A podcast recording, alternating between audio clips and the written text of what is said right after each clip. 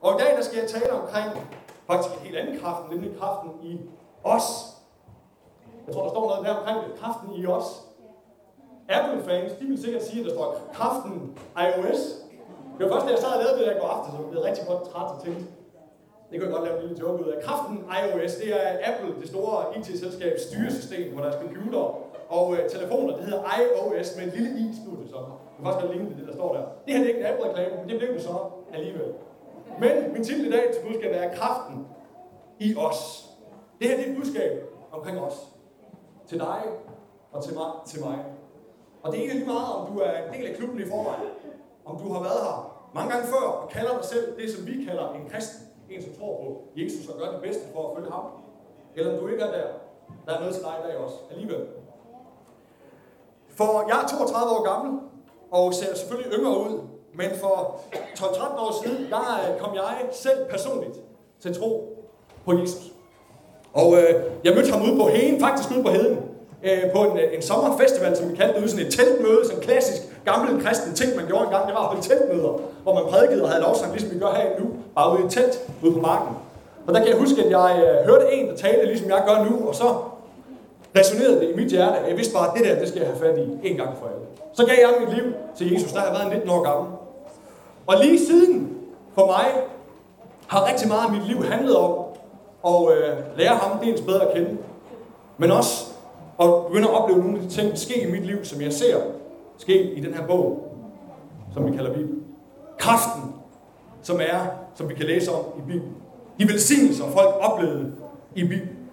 De gennembrud i folks liv, som vi kan læse om i Bibelen. De der vanvittige historier, som vi knap tør tro på, som står i Bibelen. For mig har det været sådan en ting, hvor jeg virkelig gerne vil opleve den der kraft i mit liv. Se, hvordan ser det ud? Kan man selv få lov at opleve?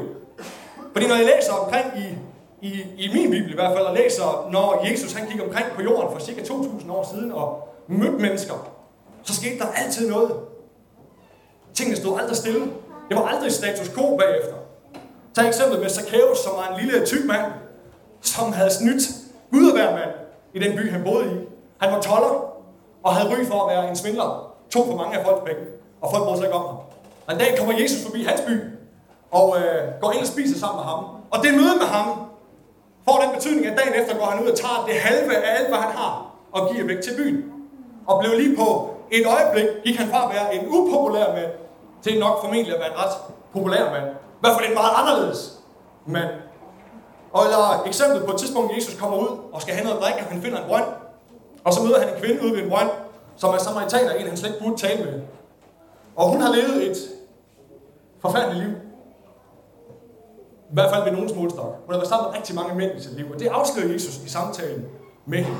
Og han fortæller hende, hey, jeg kan, jeg kan se, at du har levet det her liv. Du har haft rigtig mange mænd i dit liv. Hvilket var noget, ifølge hendes religion, hun ikke måtte, så hun var postet lige på stedet. Taget næsten på færre gerning. Og alligevel så ser vi, at frugten af den møde med ham, eller resultatet af den møde med ham, er, at hun løber ind i en by og fortæller det til alle. Jeg ville ikke have gjort det. Jeg har sagt det en gang før fra den samme scene her. Det havde jeg ikke gjort. Hvis du kom til mig og fortalte mig alt, hvad jeg har gjort, så løb jeg ikke ned i Aalborg Centrum og fortalte, hey, jeg har mødt en mand, der har sagt, jeg har gjort det, jeg har gjort det, jeg har gjort det, jeg har gjort det. Hun må virkelig have mødt noget, som var helt specielt. Ellers så gør man ikke det. Og det viser den frugt, at mennesker faktisk kom til tro på ham. Og så var der en anden person, som vi skal læse noget mere om lidt senere, i hvert fald læse noget fra, som Tobias også har læst noget fra, som hedder Paulus. Godt. I er slet forbundet. Øhm, som hedder Paulus, som Jesus, som er bare, bare øh, hvad hedder det, forfulgt, som forfulgte kirken, som ønskede at ødelægge det, som kirken gjorde, ønskede faktisk at slå de kristne, dem som tror på det, du og jeg tror på, ihjel.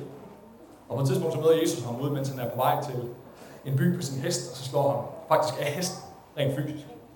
Og han bliver blind og får det her møde med Gud, og han ender med at blive en af de allermest betydningsfulde personer overhovedet i hele den kristne historie. Han skriver en hel masse af de breve, vi læser. Han udførte mirakler, han gjorde de vildeste ting på grund af mødet med ham. Og de her ting er sådan nogle ting, jeg har, læ- jeg har læst dem rigtig mange gange. Jeg har forsøgt at lade mig inspirere af dem og tænkt, det, må, det, det der må kunne ske i mit liv også. Jeg må også kunne få lov at opleve Guds sådan kraft igennem mig.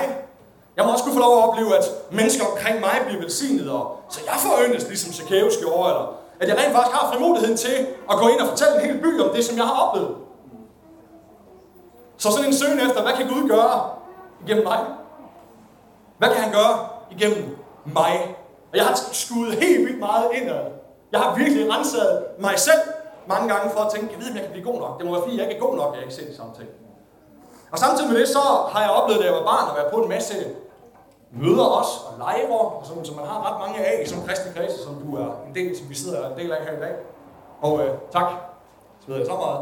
Og, øh, og der, der har vi noget, man, vi kalder profetisk ord, det tror vi også på her i huset. Det er, når Gud taler typisk igennem mennesker til et andet menneske. De er så direkte ind i vores situationer. Det prøvede jeg mange gange, da jeg var barn. At en eller anden ville stille sig op og sige, hey, jeg ser dig, der står nede i hjørnet, jeg sad tilbage bagved. Så jeg ser dig, der står dernede. Gud har de her planer for dig. Og så alle mulige luftige, rigtig høje, rigtig store planer for mit liv. Som bare gjorde, at når jeg så kom i kontakt med Jesus, så blev det faktisk rigtig meget mig, det kom til at handle om alligevel. Selvom hele den her bog her handler om os. Jeg tror rent faktisk, at Gud han møder mennesker. Han elsker mennesket, og han møder dig. Men han går rigtig meget op i os. Hele det, vi kalder det gamle testamente, den ældste og bagerste, er første del af Bibelen, handler omkring Guds uh, arbejde i hans folk. Ja, han kaldte en masse mennesker. Men altid med formål at lede et folk. Han mødte Moses gennem busk, I har nok set filmen. Mødte ham og gav ham kraft og frimodighed til at gå ind og gøre noget for hvem? Hans folk. På et tidspunkt så kaldede han en lille rødhåret dreng, der hed David, og gjorde ham til konge. Det største, du kunne blive overhovedet. Gav ham autoritet, visdom. For hvis skyld? For hans egen? Niks. Os. Folk. Israel på det tidspunkt. Og jeg tror ikke, det har ændret sig overhovedet. Jeg tror, det er det samme for os i dag. Jeg tror, Gud han elsker sit folk. Jeg tror, Gud han bekymrer sig rigtig meget om, på den gode måde, sit folk. Jeg tror, Gud han elsker dig, men jeg tror virkelig, at han går meget op i os. Og jeg tror på samme måde, som at der måske er, kan være kraft igennem mig, ud i den verden, jeg går i, fordi jeg tror på ham, kan der være rigtig, rigtig meget kraft i os. Og det skal vi lige læse om. Det her det rammer nemlig lige mellem øjnene, og I kommer med en lille rejse ind i mine, mine morgenandagter nu. Og jeg håber, at vi kan dele lidt hjerte sammen i dag. Måske kan blive lidt inspireret af det, som jeg tror, Gud har talt til mig. Og der skal vi læse sammen her fra Efeserbrevet 15 og vers 23. Jeg har været den sejeste powerpoint gut, der hedder Adam, til at sidde dernede. Så jeg tror slet ikke, jeg behøver at kigge. Jeg kan bare kigge på den her. Der skal vi læse sådan her i øh, uh, Efterbrevet kapitel 1, vers 15. 17, undskyld.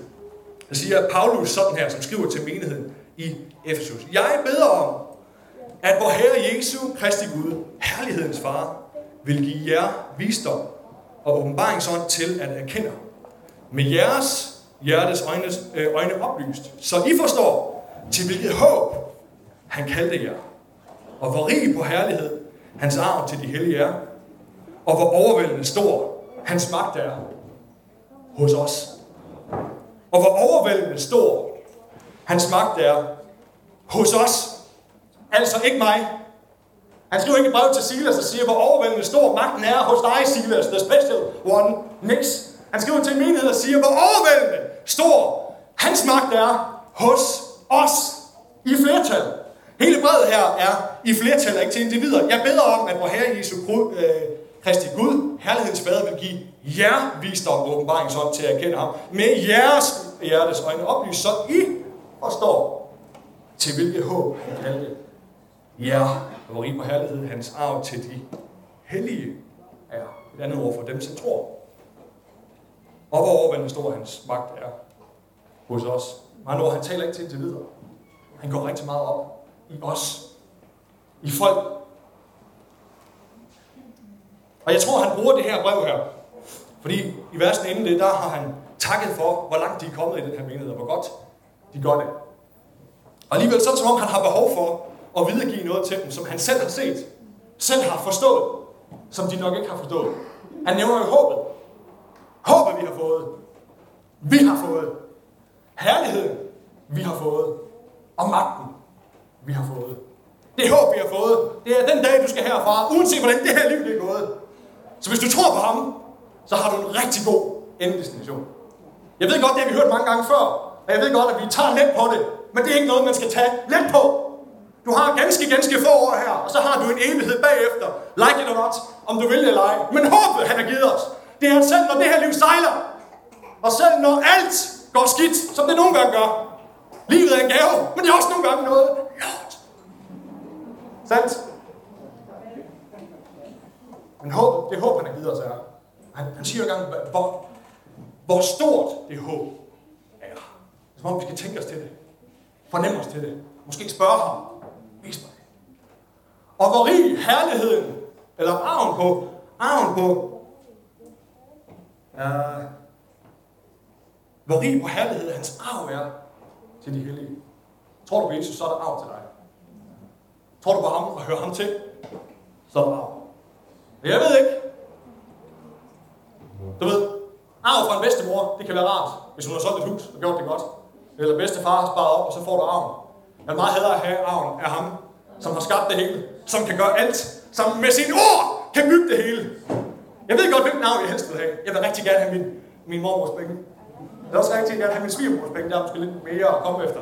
Men, jeg vil meget, meget hellere, når det kommer til det sidste, eller til det syvende og sidste, have den arv, som han har for os. For os. Og så den her overvældende magt. Og så går han i gang med her, Paulus, i verset efter, og beskrive den her magt lidt, så vi måske kan forstå og sætte den lidt i perspektiv, hvor han siger, med den magt virkede han i Kristus, da han oprejste ham fra de døde og satte ham ved sin højre hånd i himlen. Det kunne jeg ikke gøre. Højt over al myndighed, magt, kraft, herskermagt og hvert navn, som nævnes, kan. Ikke blot i den her tidsalder, men også i den kommende. Du kan tage hvilken som helst konge, der nogensinde har været. Hvilken som helst præsident, der nogensinde har været. Hvilken som helst magt, myndighed, der nogensinde har gået på den her jord. Han er over. Og han har magt til at tage noget, som er dødt, og så gøre det levende. Og han gjorde det med Jesus og illustrerede det for første gang, da og hey, for dig og mig, det som er dødt i dit liv, det har han kraft til at løfte op igen. Jeg tror også, der er nogen af jer, der kommer til at opleve det i dag. I kom ind med noget, som I tænkte, det er håbløst. Det ligger jeg. Jeg dropper det. Det er for hårdt. Det kan jeg ikke holde fast i længere. Det tør jeg ikke en gang til at gribe efter. Jeg kan bare sige, jeg tror, Gud kommer til at tale til nogle af jer, nogle af jer i dag, og løfte håbet op igen. Og overbevise jer omkring arven, som er i ham. Herligheden, som venter. Og magten, som er hos os. Og så står der, i den kommende tidsalder, eller man også i den kommende, alt har han lagt under hans fødder, Jesus, og har givet ham som hoved over alle ting til kirken. Så alt har han lagt under Jesu fødder, og så givet ham som hoved til hvem? Til mig? Til Tobias? No. Til min kone? Next. Jeg kan ikke nævne en af jer. Til kirken. Til os. Ham har han givet som hoved til os. Jeg ved godt, hvad for et hoved jeg godt gad have. Det er ikke altid, jeg synes, mit hoved kan det, det skulle. Det bliver træt. Så føler min krop sig træt. Det mister modet. Så bevæger jeg mig langsomt. Når jeg er glad, bevæger jeg mig hurtigere og kan mere i min krop. Guess what? Kirkens, øh, kirkens hoved er none other, er ingen anden end Jesus selv. Forestil dig energien, der vil komme det. Sådan et hoved. Forestil dig de tanker, der bliver tænkt derop, som strømmer lige direkte ned i kroppen nedenunder. Jeg har ikke engang læst det for jer Der står faktisk bagefter den logiske konklusion. Den er hans læme. Fylden af ham. Så du og jeg, når vi kobles på Jesus og anerkender ham som herre i vores liv, så bliver vi kirken og får ham som hoved. Det bedste hoved, du overhovedet kan få. Der hvor alle tanker omkring den her verden findes. Al åbenbaring, al visdom, alt det du gerne vil vide, alt det du har brug for, findes i det ene hoved. Og vi så er hans læge. Det må betyde, jeg ved, jeg er rigtig glad for, at jeg har min læge. Er godt tilfreds med, at jeg ikke mangler noget ben eller en arm. Det må være mega træls. Og det betyder, at det faktisk ikke er okay for mig i mit liv, at det handler om kraften i mig, eller Gud og mig. Fordi jeg er ikke kroppen. Jeg er ikke et læme. Det kræver os alle sammen. Et læme består af lemmer. Flere. Det kræver os at være i Jesu kirke. Og så står der den der lille sætning til sidst. Fylden af ham. Og det er op igen, Adam. Fylden af ham. Jeg ved, hvad det betyder. Jeg ved, at det rent faktisk betyder, at vi går glip af noget, hvis ikke vi er læge. Jeg ved, at det rent faktisk betyder noget, at vi går glip af noget, hvis ikke vi er os. Jeg ved, at vi går glip af noget, hvis det kun er mig, der møder. Det kan jeg garantere dig for, at du gør. Og sådan er det for os alle sammen. Vi kan ikke det her alene. Det, som Gud gerne vil gøre igennem, også på det her sted, helt specifikt det her sted, det kan vi ikke gøre alene. Det kræver et os. Fylden af ham. Hvis vi skal være ham, alt hvad han er, kunne vise alt hvad han er, alle facetter, alle hans dybder, alle de ting, vi ikke forstår, alle mysterierne omkring det. Hey, der var der mange af. De fleste af os, der sidder herinde, har ikke svar på ret meget. Men for hver gang en af os anser os selv som et læme og forstår, vi er en del af den her krop. Vi er en del af os. Så kommer vi lidt tættere på og får lov at se, hvordan han er. Der sidder ikke en herinde, for hvem Gud ikke har givet et eller andet særligt, der gør, at jeg kan få lov til at se lidt mere om, hvem han rent faktisk er. Fordi når han bor i dig, så skinner det ud på en helt, helt, helt anden måde, end det gør, når han flytter ind i mig. Og igennem meget af mit liv, så har jeg øh, spejlet mig selv i en mand, der hedder Peter, som jeg elsker at læse om i, øh, i de bøger i Bibelen, der hedder Evangeliet. Han er sådan en, der snakker helt vildt meget, og snakker rigtig højt, og tit stiller spørgsmål, og alt muligt. Og han oplever de vildeste ting. Gud bruger ham virkelig. Gud gør mirakler igennem ham. Han gør alle de der ting, jeg godt gad, han gjorde igennem mig. Og mange gange så har jeg kigget på ham og tænkt, det er jo bare ligesom ham, jeg skal være. Jeg skal bare være død. Den der person, som Gud bare kan gøre det hele igennem, han havde åbenbart ikke brug for noget, eller brug for andre. Indtil jeg her forleden dag, så studerede det her. Og læste. Og der skal vi læse her noget sammen fra Matthæus evangeliet, kapitel 16, vers 17 til 19. Og der kommer vi ind på et tidspunkt, hvor Jesus har en samtale med nogle af sine disciple. Han er i gang med at åbenbare sig selv, vise sig selv for sin omverden. Folk kan ikke forstå, hvem han er. Hele Israel har ventet i mange, mange år på, at der skulle komme den her profet, frelser, ham som skulle genoprette Israel. Mange af dem dernede, der lige venter stadigvæk. Og derfor så spurgte han dem på et tidspunkt, hvem siger folk, at jeg er? Og disciplene kommer med nogle svar omkring, hvad de har hørt ude på gader og stræder om, hvad folk siger om ham. Så spørger han dem som, hvem siger I, at jeg er? Og meget karakteristisk for Peter, så svarer han ham og fortæller ham, jeg tror, du er Jesus, Kristus, Guds søn. Med andre ord, ham vi har ventet på. Ham, som vi alle sammen i virkeligheden går og venter på. Jeg tror, det er dig. Og så svarer Jesus ham sådan her. For vers 17. Og Jesus sagde til ham, Salig er du, Simon, Jonas' søn, for det har kød og blod ikke åbenbart for dig. Med andre ord, det har mennesker ikke fortalt dig det der. Men det har min far i himlen. Og jeg siger dig, at du er Peter. Og på den klippe vil jeg bygge min kirke. Og dødsrigets port skal ikke få magt over den. Og jeg vil give dig nøglerne til himmelriget, og hvad du binder på jorden, skal være bundet i himlene, og hvad du løser på jorden, skal være løst i himlen. Og når jeg har læst det der tidligere, så har jeg bare tænkt, wow, det må være fedt at få den der power, han lige fik der. Det du binder på jorden, det skal så være løst op i himlen og omvendt. Jamen, hvad betyder det lige? Og det gad jeg virkelig godt, at jeg kunne. Tænk, hvis det var, at jeg også, han også sagde, du er Silas, du er mega awesome. Det der, det er der ikke nogen mennesker, der har sagt til mig, Gud har talt lige direkte til dig. Og nu kan det bare det hele. Værsgo, her er nøglerne til verdens største guddommelige Ferrari. Og til det øvrige i øvrigt. Indtil jeg så læste det her forleden, da jeg studerede lidt.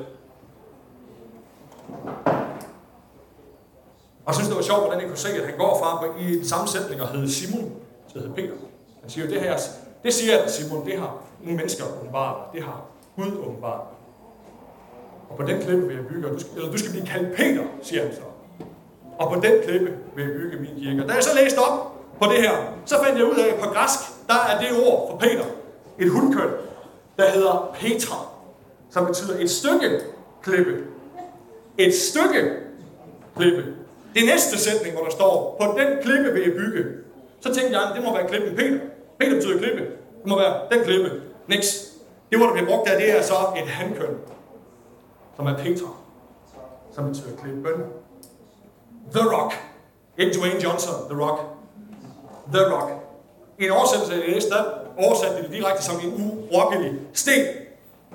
Altså, Peter, selv den sejeste af dem alle sammen, ham, som vi rigtig mange af os her i det her rum sikkert ser op til at inspirere os af. Jeg tænker, ham kunne jeg bare godt tænke mig at være ligesom. Han var ikke i sig selv det, som Jesus gerne vil bygge sin klip på. Men han var et stykke af det. Selv den sejeste var et stykke af det. Hvornår blev han det? Det blev han, da han indså, at Jesus er Kristus, er Guds søn. Med andre ord, det øjeblik, at du oplever Jesus, møder Jesus og anerkender ham, og tager ham ind som herre i dit liv, anerkender ham som Guds søn, så bliver du et stykke af klippe. Et stykke af det, som Gud vil bygge sin menighed på. Jeg synes, det er mega powerful. Jeg synes, det er mega powerful, at uanset, undskyld, hvor ringe du er, eller uanset hvor sej du er, eller måske bare føler dig, så er du et stykke klippe, som Gud han kan bruge til at bygge på. Og så er det jo ret kraftfuldt, det som Gud han gerne vil, eller Jesus her siger omkring sin kirke, at dødsrigets porte ikke skal kunne få magt over. Jeg ved ikke, om du har tænkt over det. Jeg har sagt det her før også. En port, den angriber ingenting. En port, den står stille. Den lukker sådan her, så skal den holde noget ude. Det, som Jesus dermed siger, det er, at der kommer en tid nu her, hvor dem, som tror på mig, angriber den her verden. Det er måske lidt voldsom retorik, men yder indflydelse på den her verden. Indtager kultur i den her verden. Ændrer atmosfære i den her verden. Og dødsridsporte, fjenden nummer et, det som forudsager, eller forårsager alt det bøvl, du og jeg har, og som gør ting svært for os at leve i det her liv, har ikke få magten over. Det er som om, det er bare som om, at det burde gøre et eller andet. Det, som vi burde være aller, det, som vi er allermest bange for, og som giver allerflest problemer, det, som er skyld i de mindre værd. Det, som er skyld i dårlige ord, der er sagt over dig. Det, som er skyld i sygdom. Det, som er skyld i depression. Det, som er skyld i, at vi tager dårlige valg dybest set, og at livet bliver svært. Det skal ikke kunne få magt over, eller forsvare sig mod den kirkegud, han gerne vil bygge. På hvad? Folk, der tror på ham. Og så samtidig, at han faktisk giver Peter nøgler. Han siger, du, jeg vil give dig nøglerne til himmeriget. Og det, som du så binder på jorden, det skal være bundet i himlen. Jeg ved ikke rigtigt, hvad det betyder. Jeg læste lidt forskellige kommentarer og folk, der er meget, meget klogere end mig omkring det. De fleste af dem er enige omkring, at det handler dybest set bare om at få jorden her til at se ud som det, som er oppe hos ham. Og den køber så det har han givet os nøglen til. Men hvem gør han det til? Klippen eller de der stykker af klippe? Det gør han til Peter. Det er dig og mig. Os, som er stykker af klippe. Os, som tror på ham og dermed bliver et stykke af en klippe. Et stykke i det fundament, som Gud gerne vil bygge sin kirke på. Vi har fået nøglerne. Uh! Det burde bare ændre mandag morgen. Det burde bare ændre vores forhold til ting. Det burde bare ændre mit forhold til ting. Det burde nogle gange smadre noget frygt ud af mit liv. Det burde nogle gange give mig noget fremodighed til at gå ind i nogle ting og takle nogle ting, som ellers kan se helt vildt svære ud i mig selv. Når jeg ved, at han har gjort mig, i kraft af den tro, jeg har fået ind i mit liv, så er jeg blevet et stykke af en klippe. En stykke af den kirke, som Gud har givet så meget kraft til. Og som selve dødsriget på engelsk står The Gates of Hell. Det er helvede, som ikke kan stille noget op. Man laver film om helvede for at gøre folk bange. Der behøver ikke være nogen frygt blandt os.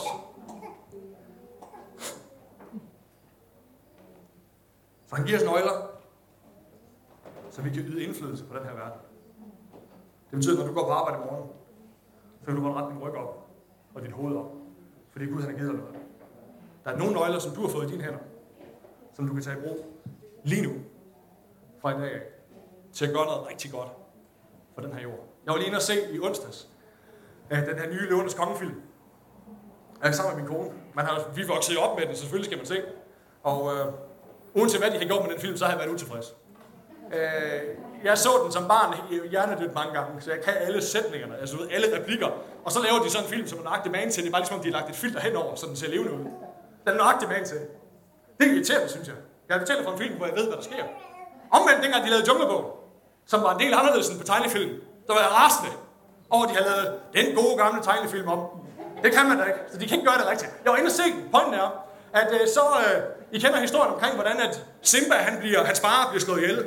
Og den der kongeslætte, det ligner et sted, jeg godt gad bo. De løver, de må godt bestemme over mig, hvis jeg kunne få lov at bo der. Og ellers var jeg fred. Men at være der. Så bliver Simba reddet, reddet bort. Hans onde øh, svog onkel er, og sender ham væk. Og man ser bare, hvordan landet tør ud og bliver elendigt. Gråt, kedeligt og uden mad. Ved du, hvad jeg tror, det er? Jeg tror, det er der, hvor du og jeg ikke er. Der ser det sådan der ud. Når du og jeg, vi er Simba, og ikke forstår de nøgler, vi er blevet givet, ikke forstår, hvad det er, Gud rent faktisk har sagt, vi har fået, så kommer landet til sådan ud, fordi vi mangler dig. Fordi det er Guds nøgle ind i den her verden. Det er dig og mig. Små stykker sten. Det er jo ikke for ingenting, at Peter i sit eget brev, der siger han, at lad jer opbygge som levende sten. Det er meget sjovt, det er ham, der siger det, ikke? Ham, der bliver kaldt et stykke sten. Vi er de her stykker, som har fået givet noget. Og hos os er der overvældende kraft. Jeg slog det bare lige op her i morges, det der overvældende. Jeg ved faktisk ikke, om jeg fik det skrevet ned. Jo, definitionen er at begrave eller drukne under en stor masse af noget. Overvældende kraft. Vi er begravet eller druknet under en stor masse af magt. Der er noget omkring det her, som er langt ud over, hvad vi kan fatte eller forstå, men som vi skal gå efter, venner. Som vi skal tro på. Hver især og sammen. Fordi der er kraft hos os. Der er magt hos os. Ja. Vi skal videre.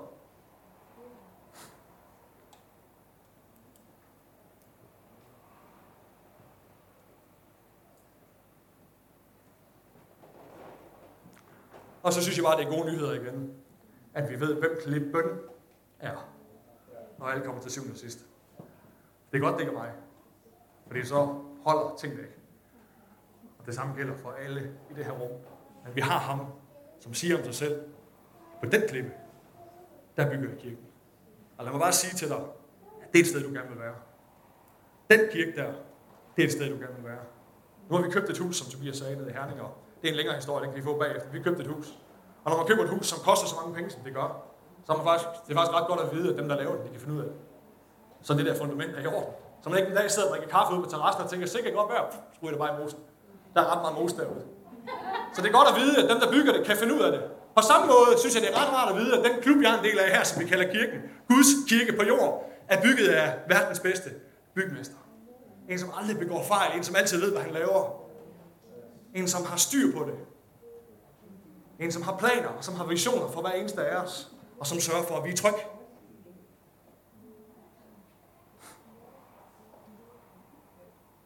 Vi skal tilbage til Efeserbrevet, fordi her fortsætter Paulus lidt. Kapitel 4, vers 16, siger han sådan her, apropos det der med hovedet fra før, at uden for ham, Kristus, føjes hele lægemet sammen og holdes sammen, i det hver enkelt led hjælper til med den styrke, det har fået tilmålt, så lægemet vokser og opbygges i kærlighed. Så ud fra ham, som den øverste instans, som har det sidste ord, som har de sengerne planen, og ved, hvad der skal ske, føjes lægemet sammen og holdes sammen, når hvert led hjælper til med den styrke, det har fået tilmålt. Altså, det er ikke nødvendigvis ens. Jeg er ikke man til Johannes. Johannes er ikke man til David, der sidder dernede. Og David er ikke man til Thomas. Men vi har alle sammen fået tilmålt et mål af styrke. Og når du bringer det i spil, og bringer det ind i den her sammenhæng, som vi så på det her sted kalder apostolskirke, bare sådan for at være lidt direkte, så får lemmet sammen. Og så hvad? Vokser det og opbygges det i kærlighed. Der er kun en måde, det kan ske på, at det her sted vokser. At flere mennesker får lov til at få glæde af det, som vi tror på på det her sted, og de gode ting, der foregår her, det er, at du og jeg hjælper til med det, mål, med det mål og styrke, vi har fået. På samme måde er det også først, når du bringer din egen styrke i spil, og jeg gør det samme, at vi opbygges fuldstændig i den kærlighed, han har til os. Fylden af ham. Jeg kan godt se, jeg gad godt se fylden af ham. Jeg kan godt se, hvem han faktisk virkelig er. Der er så mange ting, jeg ikke forstår. Og så mange spørgsmål. Og så er jeg bare afhængig af, at du er med. Fordi hvis ikke jeg møder dig ude for en nogle gange, og du siger det der, som du måske har tænkt på den morgen, eller har læst, eller fortæller mig dit vidnesbyrd omkring en eller anden situation, hvor Gud har gjort noget, så får jeg ikke set fylden af. Så ser jeg kun det, jeg selv kan komme frem til. Stykker. Klippestykker. Så vi er bedre, og vi bliver større. Og vi bliver flere, når vi er sammen. Så dine gaver, de er nødvendige. Og der er så mange gaver i det her rum. Der er så meget potentiale i det her rum, Der kunne ske så mange ting ud fra det her sted. Hvis alle i det her rum bare kom lidt nærmere og forstod, hvad der faktisk ligger dybt ned i dig. Hvad Gud han kunne bruge dig til. Hvad Gud han kunne gøre, hvis du bringer din styrke i spil.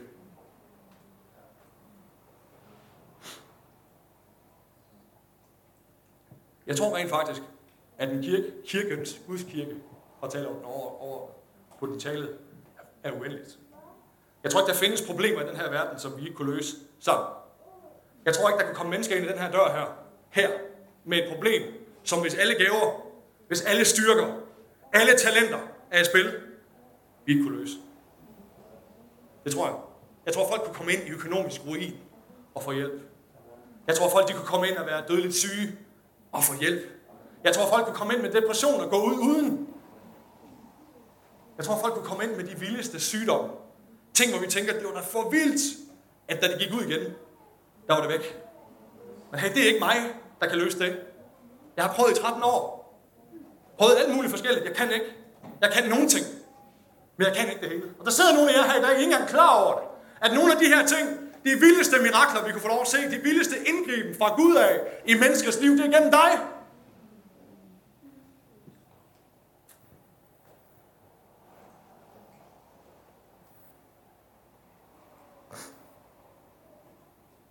Og så på den måde bliver man det, jeg vil kalde en uimodståelig kirke. Noget som, ah, det kan du ikke opleve. De folk vil blive lige så sure på os, de vil. Du kan ikke gøre noget ved det. Fordi vi hænger sammen her. Og vi tror på det samme. Og vi ved, at Gud har givet os nøgler. Ikke som sådan en modtænk mod kultur, mod en kultur derude. Men fordi vi ved, hvem vi er. Så kunne helvedes porte kaste alt det, det ville efter os. Jeg har ikke en chance. Fordi der er kraft i os. Den første menighed, jeg bladrer lige lidt her, for lige det sidste med. Er I okay derude? Kan I følge med? Nej, jeg har da lidt tid nu. Det er lang tid siden, jeg har prædiket, så det kan godt være, at jeg lige kører halvanden time. Fra nu af, som Tobias siger, ja. Apostelskærning 2.46 står der sådan her. Der er vi tilbage i den allerførste menighed, som ja, verden nogensinde så. Der står der, de kom i enighed i templet hver dag, og hjemmebrød de brødet og spiste det sammen. Og jublende og oprigtige af hjertet priste de Gud og havde hele folkets yndest. Og Herren fået hver dag nogen til, som blev frelst. Hey, de kom sammen og var jublende og oprigtige af hjertet. Jeg tror, det galt for både introverte og ekstroverte. Det De gode nyheder omkring Jesus, de er så gode, at det er lige meget, hvordan din personlighed er. Så skinner det igennem ved dig. Det har jeg bare lige brug for at sige. Det vil sige, at når vi synger en sang, og Kristoffer han står og gør sit bedste, så skal de der hænder i vejret. Fordi det er den normale respons på, når nogen har gjort noget, som er så godt. Jublende oprigtigt af hjertet priste de Gud. Og hvad så? Havde hele folkets yndest. I markedsføring, der ved man det her. At der, hvor der er mange folk, der er glade for noget, der må jeg hellere se at komme hen, for det er nok godt. Derfor så øh, laver jeg Hillsong over i København, ved det. De laver kø udenfor deres kirke, fordi så kommer folk. H&M ved det. Når der er gode tilbud, så lukker de døren. Så står der kø udenfor, og så tænker du og jeg, åh, der skal jeg hen og være med. Hvorfor? Fordi så tror jeg bare, at vi mennesker er. Jeg tror, de oplevede det her. Der var nogle mennesker, som var glade for noget her. Der var nogen, som troede på noget, som var oprigtigt i hjertet, og jublede over det. Og så fik de hvad? Hele folkets yndest. Det gad jeg godt ha. Og så skete der det, som vi har drømt om i så mange år. At Herren fået hver dag nogen til, som blev frelst. Andre, som begynder at tro på det samme. Fordi når kraften er i os, og den er til stede, så vil folk gerne være med. Det er uimodståeligt. Vi læser lige videre her i kapitel 4, samme bog, Apostlenes Gerning, vers 32 til 35. At hele skaren af troende var et i hjerte og sind, og ikke én kaldte noget af sin ejendom for sit eget, men de var fælles om at med stor kraft aflagde apostlene vidnesbyrd om Herren Jesu opstandelse, og alle nød de stor ønst. Og der var der heller ikke nogen lødvidle blandt, blandt dem, for de, som ejede jord eller huse, solgte dem og kom med de penge, de fik ind og lagde dem fra apostlenes fødder. Pengene blev så fordelt til enhver enkelt efter behov. Jeg elsker det her, fordi vi ser her, hvordan det ser ud, når folk bringer deres styrke i spil. Hvem var det, der vidnede med stor kraft? Det gjorde apostlene. Hvem var det, der ejede noget? Det var nogle andre. Apostlene havde formentlig ikke særlig meget at give af. De kunne det der.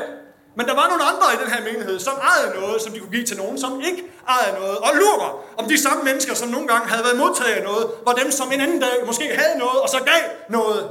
Fordi hvert led hjælper til med den styrke, det har fået. Klipper af sten, eller i stykker af klippe. Ikke én klippe. Og hvad skete der for dem alle sammen? Alle nød de store ønst. Ikke bare de der kraftfulde apostle, som vi læser om, og så gerne vil være som. Også ham der, som ingen nogensinde hørte om, som gav sit hus væk, for at gøre noget godt for 10 andre familier. Alle nød stor ønst. De var et i hjertet og sind. Ingen sure miner over forskellige gaver og funktioner. Oh, det er svært. Det er virkelig svært. Ikke at være utilfreds med det, man selv er blevet givet. Oh, det kender jeg. Jeg vil hellere være... Der er, nogen, der er mange ting, jeg hellere vil være ligesom nogle andre. Men det er jeg ikke. Og lurer mig, om uden jeg selv er klar over det, så er nogle af de ting, Gud faktisk har givet mig, som der måske sad en anden, der tænkte, hvis bare jeg kunne gøre det. Men hey, hvis vi er et i hjertet og sind, så betyder det ikke noget, hvem det er, der gør hvad. Så betyder det noget, at vi alle sammen er klipper og sten, som til sammen bliver én klippe. Vi er forskellige lemmer, arme, fingre, ben, og øjenbryn, øjenæbler, næsebor, hvad ved jeg? Alt nævnt, nævnt det hele, men til sammen bliver vi et læme, som kan gøre det. Jesus gerne vil. fylde af ham. Så verden må se, hvem han er. Så får vi yndest til følge. Og så bliver folk for til. Det tror jeg på.